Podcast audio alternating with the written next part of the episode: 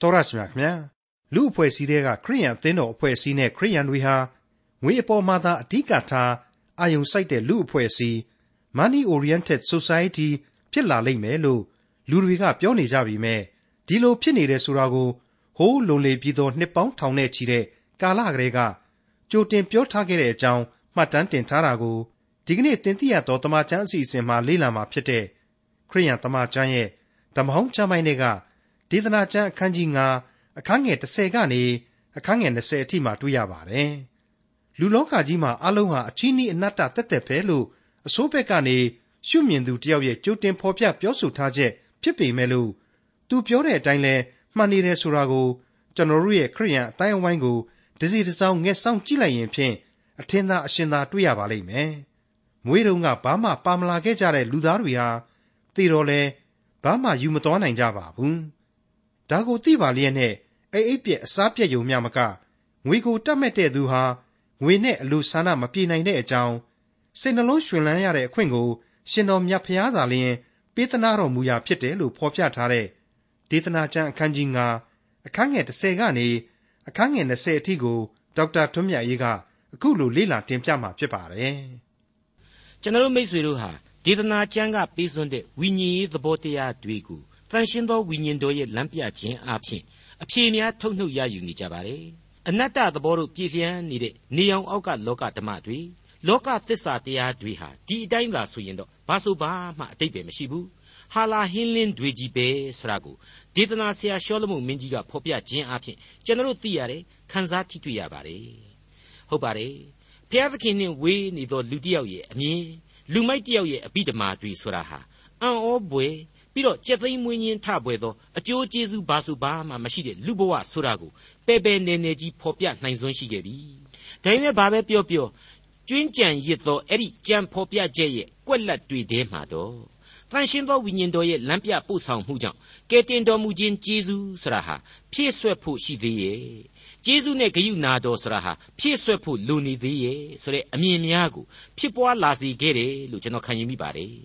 အဲ့ဒီလိုခံယူမိခြင်းအပြင်လေများစွာဝမ်းမြောက်မိပါတယ်ဖျားသခင်ကိုကျေးဇူးအထူးတင်မိပါတယ်ဒါဟာဒေသနာကျမ်းကိုဝိညာဉ်တော်သွန်လောင်းအားဖြည့်ခြင်းပဲလို့ကျွန်တော်ဆိုချင်ပါတယ်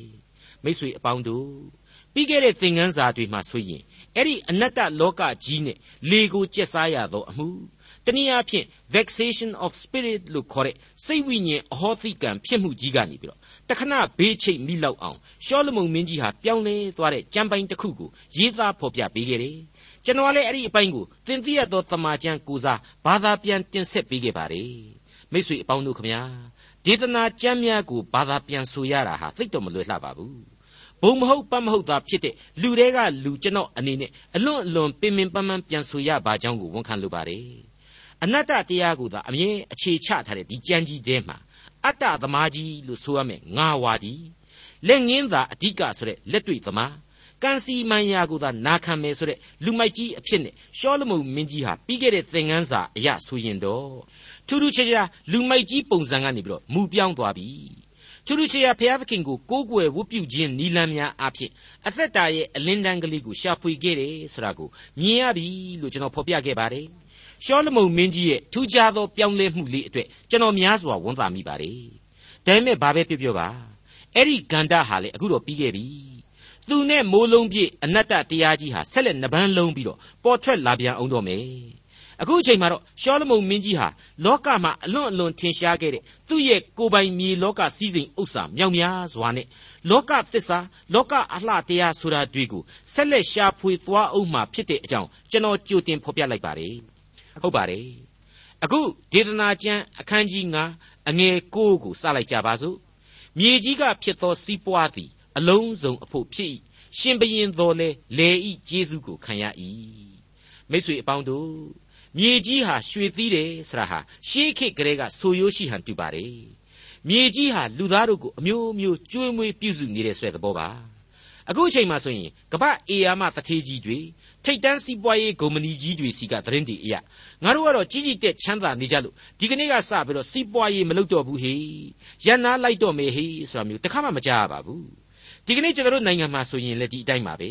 စီးပွားရေးသမားတွေအမြောက်အများပေါ်ထွက်နေပါတယ်ကျွန်တော်အတိုင်းဝိုင်းကစီးပွားရေးသမားတွေဟာရွှေသီးနေတဲ့မြေကြီးကိုအရင်တီးပြီးတော့ကြာလေချမ်းသာလေဖြစ်နေကြပါတယ် သူတို့လုပ်နေတဲ့အလုပ်တွေကိုကျွန်တော်လိုက်လို့မှမမီနားလည်အောင်ကြိုးစားလို့မှဘယ်လို့မှနားမလည်နိုင်တဲ့အတွက်ကြောင့်ကျွန်တော်အသေးစိတ်တော့မဖော်ပြနိုင်ပါဘူးဒါပေမဲ့သူတို့ရဲ့စီးပွားရေးဟာဘက်စုံစီးပွားရေးဆန်တယ်လို့ဆိုချင်ပါတယ်ငွေရှာစရာလမ်းကြောင်းတွေဟာလေသူတို့နဲ့ကြမှာပဲအမြောက်အများရှိနေတယ်ဆိုတာကိုတန်တော်ကျွန်တော်တွေ့ရပါတယ်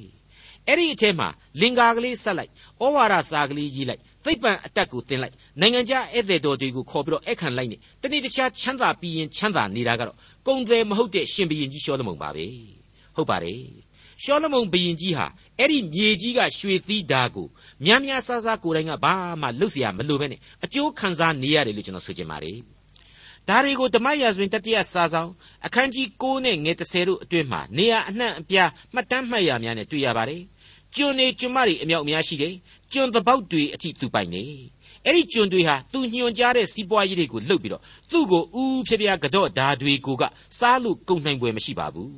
ဒါကြောင့်မလို့ဓမ္မရာဇဝင်တတိယစာဆောင်အခန်းကြီး9အငယ်26မှ28အတွင်းမှာအခုလိုဆိုဖွဲ့ထားတာကိုတွေ့နိုင်ပါတယ်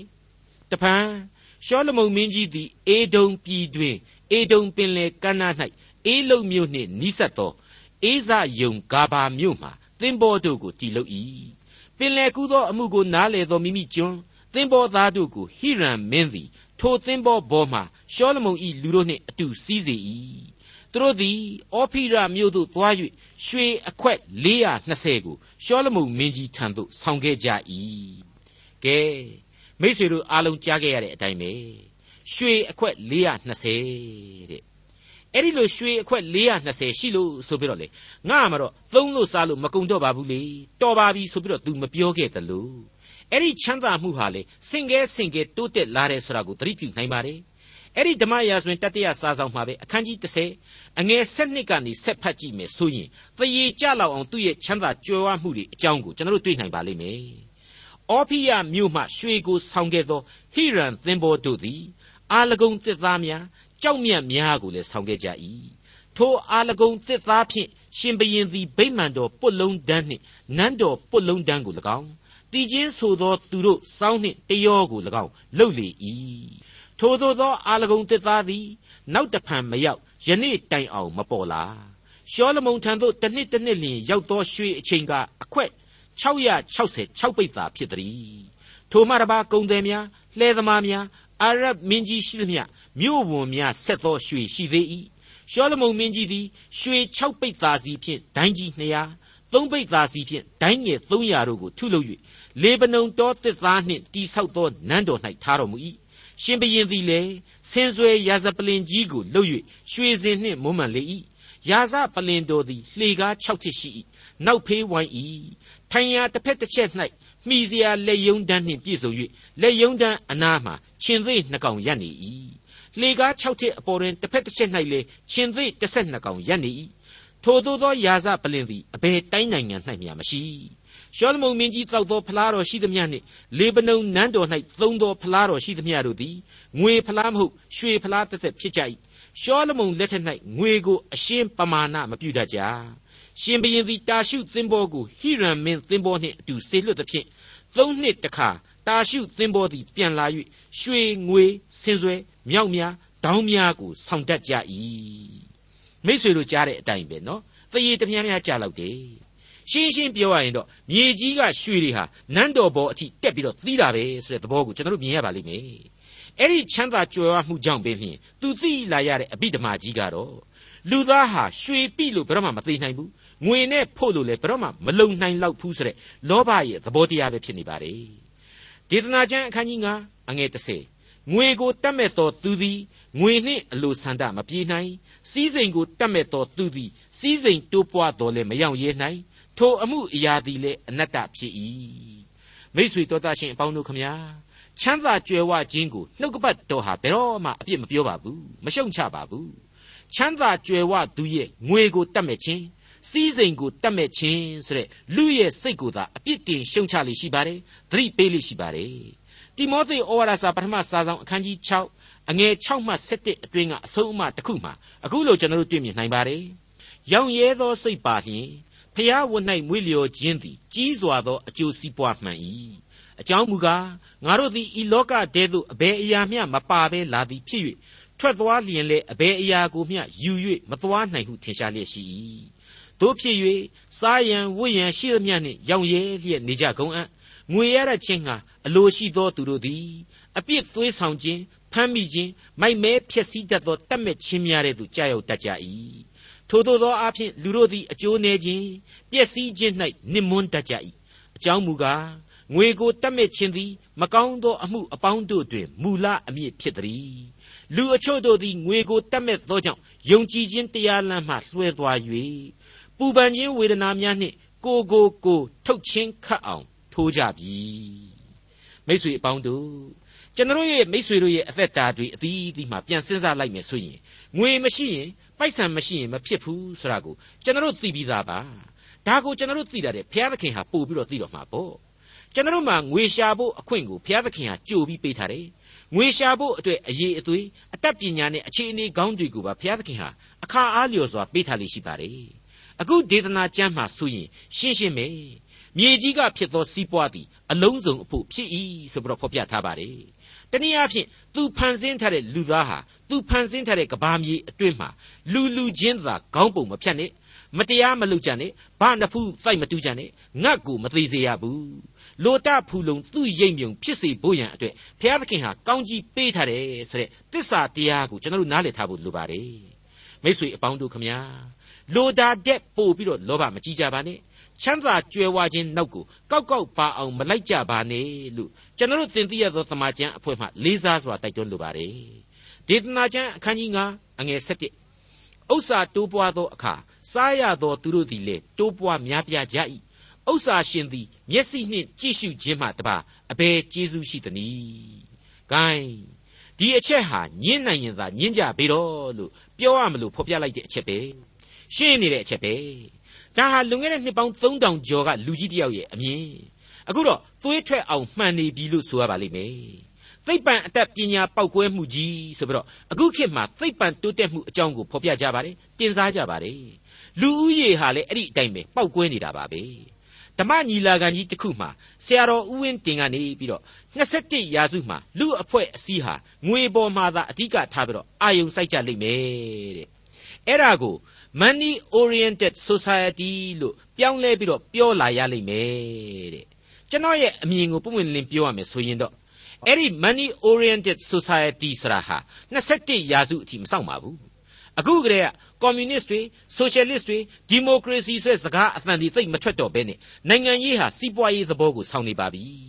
money oriented politics money oriented society လို့ခေါ်ရလောက်အောင်ခေတ်ဟာအခုတည်းကစတင်နေပြီလို့ကျွန်တော်ဆိုချင်ပါတယ်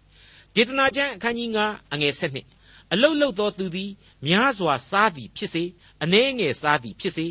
အအိတ်မိန်တတ်၏ရတတ်သောသူ၏စီးစိမ်မှုကစီးစိမ်ရှင်ကိုအအိတ်ပြက်စီတတ်၏မိษွေတော်တတ်ရှင်အပေါင်းတို့ခမညာကောင်းရောင်းကောင်းဝယ်လုတ်ကင်စားတော့ကြပါဘုရားသခင်ပေးထားတဲ့အုံနောက်လက်နဲ့ခြေတွေဟာနှလုံးရည်နဲ့လက်ယုံရည်ကိုသုံးဖို့ပဲ လောကရန်လူသားတွေဟာလူပီပီလှုပ်ရှားခြင်းရှိရလိမ့်မယ်ရုန်းကန်ကြိုးစားအားထုတ်ရခြင်းတွေလည်းရှိလိမ့်မယ်လူဖြစ်လာပြီးတော့လူလိုနေတာဟာသဘာဝဒါပေမဲ့သဘာဝလွန်ပြီးတော့ဘာနဖူးတိုက်တူတာတွေဇတ်တူသားစားတာတွေခေါင်းပုံဖြတ်တာတွေမတရားလောဘဇောတွေကိုတော့စိတ်ထိမ့်ချုပ်ကြတစ်သက်လုံးစိတ်ချမ်းချမ်းသာသာနေရလိမ့်မယ်ဆိုတဲ့အချက်ကိုရှောလမုန်မင်းကြီးဖော်ပြပေးလိုက်ပါတယ်ဒေသနာကျမ်းအခန်းကြီး9အငယ်73 စီးစိမ်ရှင်သည်ကိုအကျိုးပြည့်သည့်တိုင်အောင်စီးစိမ်ကိုတူထားခြင်းဒီဟုသော နေအောက်၌အလွန်ဆိုးသောအမှုကိုငါမြင်ပြီတဲ့အဲ့ဒီကိစ္စကိုမမှန်ဘူးလို့များတော့ပေါ့ပေါ့လေးသွားမတွေးကြပါနဲ့နော်ကျွန်တော်အသက်တာမှာစီးစိမ်ရှိသူပေါင်းမြောက်များစွာကိုတွေ့ကြုံမှုပါတယ်ဆက်ဆံမှုပါတယ်ထူးပြီးတော့သုံးနိုင်တာမှန်တယ်လို့ထူးပြီးတော့စိတ်မချမ်းသာတာကတော့အမှန်ပဲသူတို့ရဲ့ဘဝအမြင်တွေဟာမသိမသာပြောင်းလဲနေသလို သူတို့ရဲ့ပြောသံဆိုသံတွေဟာလေနည်းနည်းတော့ပြောင်းလဲနေစမြဲပဲလို့ကျွန်တော်တွေးပါတယ်အဲ့ဒါဟာစီးစိမ်ဥစ္စာတို့ကပြုပြင်ပေးလိုက်တဲ့လူဤပုံတံပြောင်းလဲခြင်းတည့်ရပဲလို့ကျွန်တော်ဆိုချင်ပါတယ်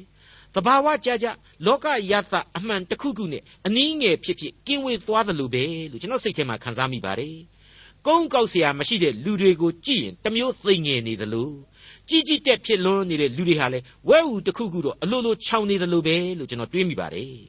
အခုဒီကျမ်းမှာ စီးစိမ်ရှင်ဟာကို့အကျိုးပြက်လောက်အောင်စီးစိမ်ကိုတူထားခြင်းဆိုတဲ့နောက်ထပ်အလွန်ဆိုးတဲ့အမှုအရာကိုငါမြင်ပြီလို့ရှောလမုန်မင်းကြီးဖော်ပြလိုက်ပါတယ်ကျွန်တော်ရဲ့စိတ်ထင်အတိုင်းပြောရမယ်ဆိုရင်တော့ရှောလမုန်တယောက်မှန်ရှိမှသွားရက်မိပြီထင်တယ်အဲ့ဒီပုဂ္ဂိုလ်ကြီးဟာဘုရားသခင်တားမြစ်တာတွေဆိုရင်အကုန်လှုပ်တယ်လေမြင်းနေမွေးတယ်မိမတွေဟောတယောက်ဟောတယောက်ယူတယ်အဲ့ဒီမိမတွေပျောက်တော့ယူမိတဲ့အကျိုးဆက်အဖြစ်နောက်ဆုံးကျတော့အဲ့ဒီမိမတွေကိုးကွယ်တဲ့နတ်တွေကိုတွားပြီးတော့ကိုးကွယ်မိတယ် နသာရည်လေးဖြန်းလိုက်ဖျောင်းတိုင်လေးထွန်းလိုက်လုပ်တယ်ရွှေတွေငွေတွေလည်းတောက်တောက်လည်းရှိနေတော့လေလုံနိုင်မှာပေါ့တနည်းအားဖြင့်စီးစိမ်ရေကာမဂုဏ်အာယုန်တွေရေအပျော်ပါးတွေရေဟာအပြိုင်အဆိုင်သူ့ကိုဝိုင်းပြီးတော့ဖျက်ဆီးတာကိုသူခံခဲ့ရပါတယ်အဲ့ဒါနဲ့ပဲအိုသေးကန်ကြီးကျတော့ဘုရားသခင်ဟာယေပရောဟိတ်မင်းကြီးကတည်းကဆင့်ဟဲ့ကောင်မင်းဆိုတဲ့ကောင်မင်းအဖေဒါဝိဒ်ကြောင့်သာတက်သာနေတယ်မှန်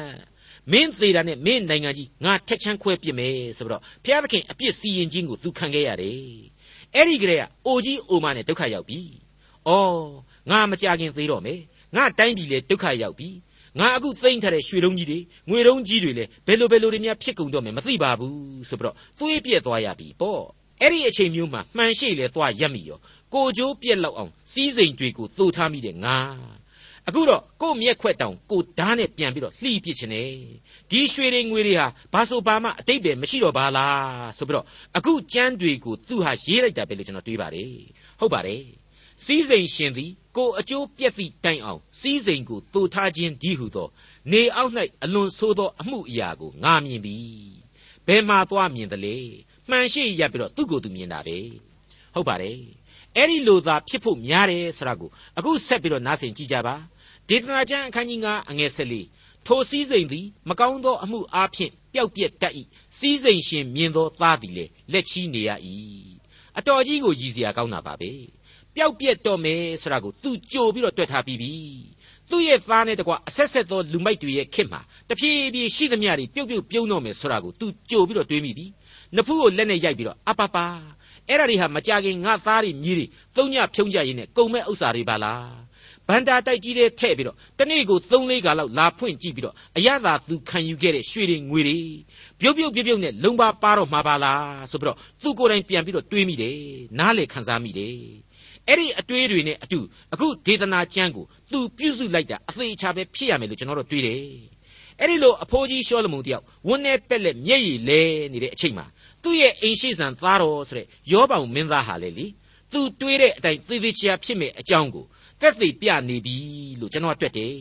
ဟုတ်ပါတယ်အဖေအဖေတွေးတာတွေတခုမှမလွယ်ဘူးသေကြတယ်ခမရဆိုပြီးတော့မပြောယုံတမယ်ပဲအဖေရှိမှသက်သေပြနေပြီလို့ကျွန်တော်တွေးတယ်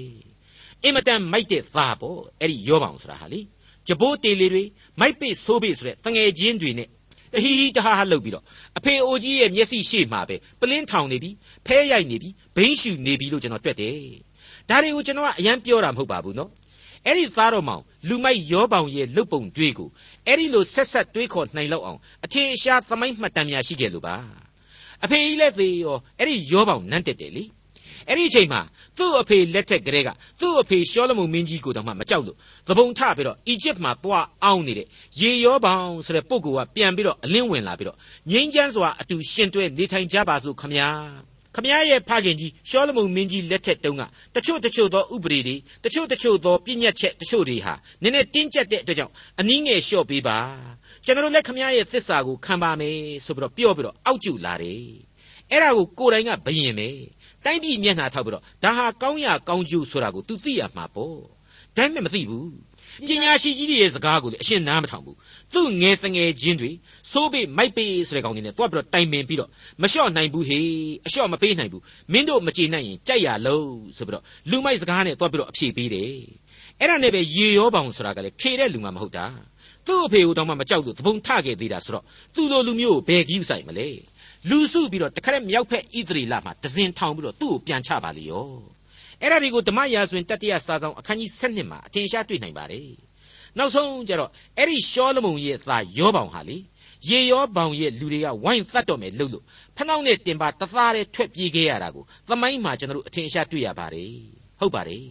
တိုင်းပြည်ကြီးလည်းနှစ်ချမ်းကွဲခဲ့ရတယ်ကိုယ်တိုင်လည်းအရှက်တကွဲအကျိုးနည်းတွေဖြစ်ခဲ့ရတယ်ဆိုတဲ့အဖြစ်ဆိုးကြီးတွေကိုကျွန်တော်အနည်းငယ်လောက်ပြန်ဖတ်ပြခြင်းပါတယ်အဲ့ဒီဓမ္မရာဇဝင်တတိယစာဆောင်အခန်းကြီး7အငယ်73နဲ့74မှာ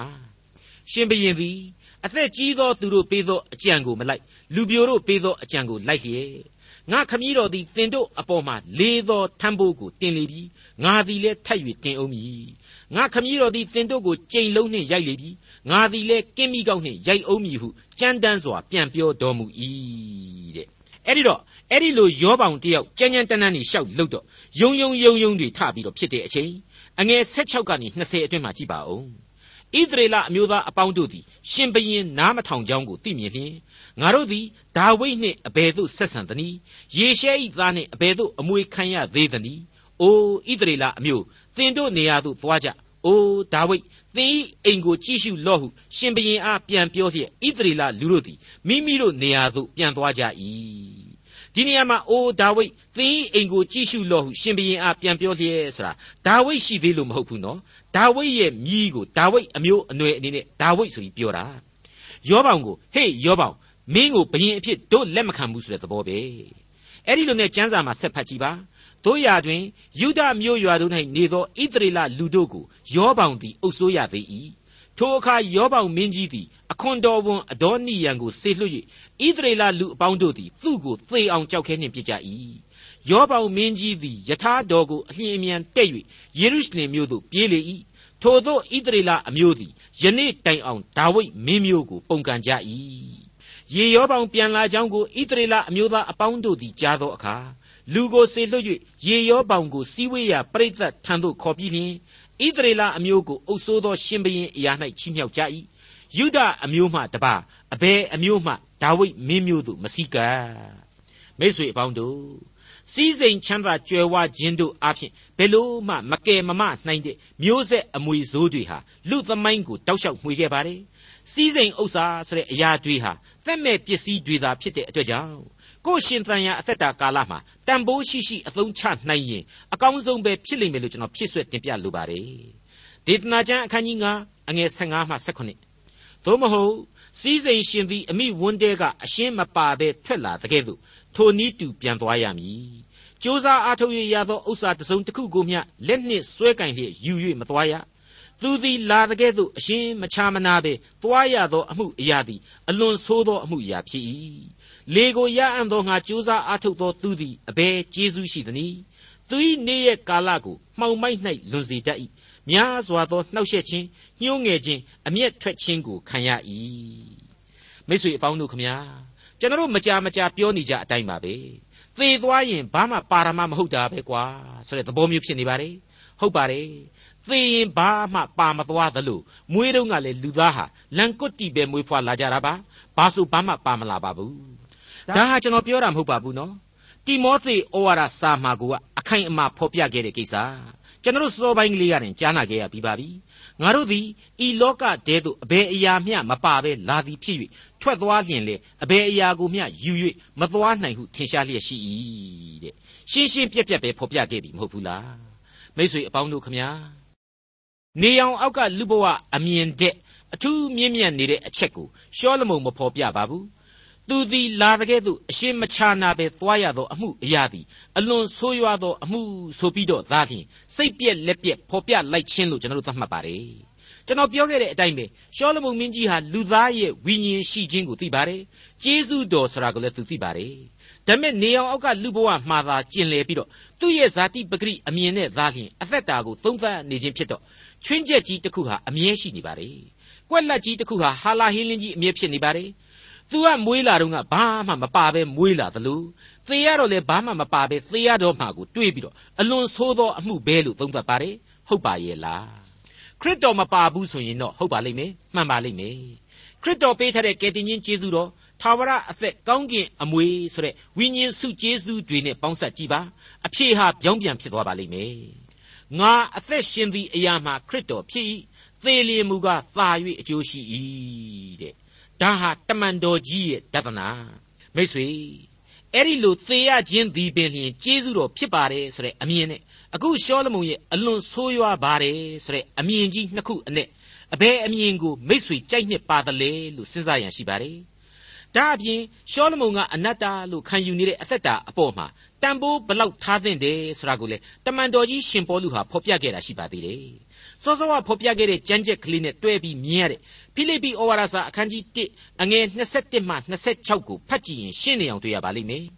ငါအသက်ရှင်သည့်အရာမှာခရစ်တော်ဖြစ်၏သေလျင်မူကားသာ၍အကျိုးရှိ၏ဆိုထားလို့သေရင်အကျိုးရှိလို့ဆိုပြီးတော့သေရမယ်ကြီးမဟုတ်ဘူးငါမသေးဘူးဆိုရင်လေခရစ်တော်အတွက်အမှုတော်ကိုဆောင်ပြီးတော့အများသူငါရဲ့ဝမ်းမြောက်ခြင်းအကြောင်းကိုဆောင်ကျင်းပေးမယ်တဲ့မိတ်ဆွေအပေါင်းတို့ခမညာကျွန်တော်အချိန်ချင်းတင်ပြပေးခဲ့တဲ့အတိုင်းပဲဒေသနာဆရာရှောလမုန်မင်းကြီးရဲ့ဒေသနာစကားတွေဟာဖြင့် နေအောင်အောက်မှာပဲအခြေတီးမြေပြင်နားမှာသာကန့်ညီနေတယ်မြင်မြင်သမျှအနတ္တဝါဒကြီးကိုသာကြင်ညာမောင်းခတ်နေတယ်ဆိုတာကိုကျွန်တော်တို့တွေ့ရပါပြီအဲ့ဒီလိုမြင်မြင်သမျှအနတ္တဆိုတဲ့လောကအသက်တာကြီးကိုအနတ္တမှသည်အ ਨੇ ကတန်ဖိုးဖြစ်အောင်လို့နေအောင်အောက်ကနီးတွေနဲ့ကြီးပဲရှောလမုန်မင်းကြီးဟာစူးစမ်းနေခဲ့ပါတယ်အဲ့ဒီလိုစူးစမ်းအားထုတ်တဲ့အခါမှာသူကျင့်သုံးတဲ့လမ်းကြောင်းတွေသူရွေးချယ်ရာကျင့်စဉ်တွေဟာလေဘလောက်ပဲဘုရားသခင်နာမတော်ကိုအသုံးပြုပြု မြေရနံ့တို့သာလျှင်သင်ပြတ်နေတဲ့အကြောင်းကျွန်တော်တင်ပြလိုက်ပါတယ်အခုဆိုရင်ဒေသနာကျမ်းအခန်းကြီး9ကိုသူဘယ်လိုဏီကုန်းချုပ်မယ်ဆိုတာကိုကြည်ပါငါသိမြင်သောအရာဟုမူကားစားသောက်ခြင်းအမှုနေအောက်၌ဘုရားသခင်ပေးတော်မူသောအသက်ရှည်သမျှကာလပတ်လုံးကြိုးစားအားထုတ်ရသောအကျိုး၌ပျော်မွေ့ခြင်းအမှုကိုပြုကောင်း၏လျှောက်ပတ်၏ ထိုအမှုသည်လူ၏အဖို့ဖြစ်၏ဘုရားသခင်ပေးသနာတော်မူသောစီးစိမ်ဥစ္စာကိုရသောလူတိုင်းမိမိအဖို့ကိုခံ၍ဝင်စားခြင်းဟာ၎င်းကြိုးစားအားထုတ်ရ၌ပျော်မွေ့ခြင်းဟာ၎င်းဘုရားသခင်ကျေးဇူးတော်ကြောင့်အခွင့်ရှိ၏လွန်သောနေ့ရဲ့ကာလကိုများစွာမအောင်မေ့ရစိတ်နှလုံးရှင်လန်းသောအခွင့်ကိုဘုရားသခင်ပေးသနာတော်မူ၏မင်းတို့ပျော်တယ်လို့သာနေပြီးတော့မင်းတို့သင့်လျော်တယ်လို့သာသေးတဲ့ အဲ့ဒါဟာဘုရားသခင်ပေးထားတဲ့အခွင့်အရေးပဲတဲ့ကျွန်တော်မငင်းပါဘူးဘုရားသခင်ဟာအရာရာကိုပေးပိုင်တာဆိုတော့ကျွန်တော်ပဲလုပ်ပြီးညင်းနိုင်ပါလေဒါပေမဲ့တခုတော့ပြောချင်ပါလေဘုရားသခင်နဲ့ဝေးနေသူရှောလမုန်ရဲ့အခုအယူအဆဟာဘုရားသခင်နဲ့ရှင်သန်သောရှောလမုန်ရဲ့အတိတ်ကာလအယူအဆနဲ့ကတော့အကြီးအကျယ်ဝေးနေပြီဆန့်ကျင်နေပြီဆိုတဲ့အချက်ပါပဲမှန်ပါတယ်အဖဘုရားသခင်ရဲ့ကျေးဇူးဂရုဏာတော်အရေးကလူသားကြီးရှောလမုန်ဟာ တစ်ဖက်ဆောင်းနေအနတ္တသမားကြီးဘဝမတိုင်မီမှာအခုလိုဆိုခဲ့ပါတယ်ငါသာပြားရည်ကောင်းသောကြောင့်စားလော့ချိုမြိန်သောပြားလပုကိုလည်းစားလော့ထို့အတူသင်တွေ့ရသောပညာတရားသည်စိတ်ဝိညာဉ်၌အရသာနှင့်ပြည့်စုံ၍သင်သည်မျှော်လင့်ခြင်းအကြောင်းမပြည့်ကောင်းသောအကျိုးကိုခံရလိမ့်မည်။ပြားရည်ကိုစားကျူးလျင်မကောင်းတဲ့ကဲ့သို့ကိုဂုံအသရေကိုရှာလျင်ဂုံအသရေမရှိ။အဲ့ဒီလိုရှောလမုန်မင်းကြီးဟာသုတ်တန်စကားမှာဆိုဖွဲ့ခဲ့ပါတယ်။ အခုရှောလမုန်မင်းကြီးဒေသနာစကားမှာဆိုလိုက်တာကတော့ပျော်တယ်လို့သာနေပြီးတော့လျှော်တယ်လို့သာသေတဲ့။ဒေါက်တာထွန်းမြတ်ရေးစီစဉ်တင်ဆက်တဲ့တင်ပြတော်တမချန်းအစီအစဉ်ဖြစ်ပါတယ်။နောက်တစ်ချိန်အစီအစဉ်မှာခရိယန်တမချန်းရဲ့ဓမ္မဟောင်းကျမ်းပိုင်းတွေကဒေသနာကျမ်းအခန်းကြီး6နဲ့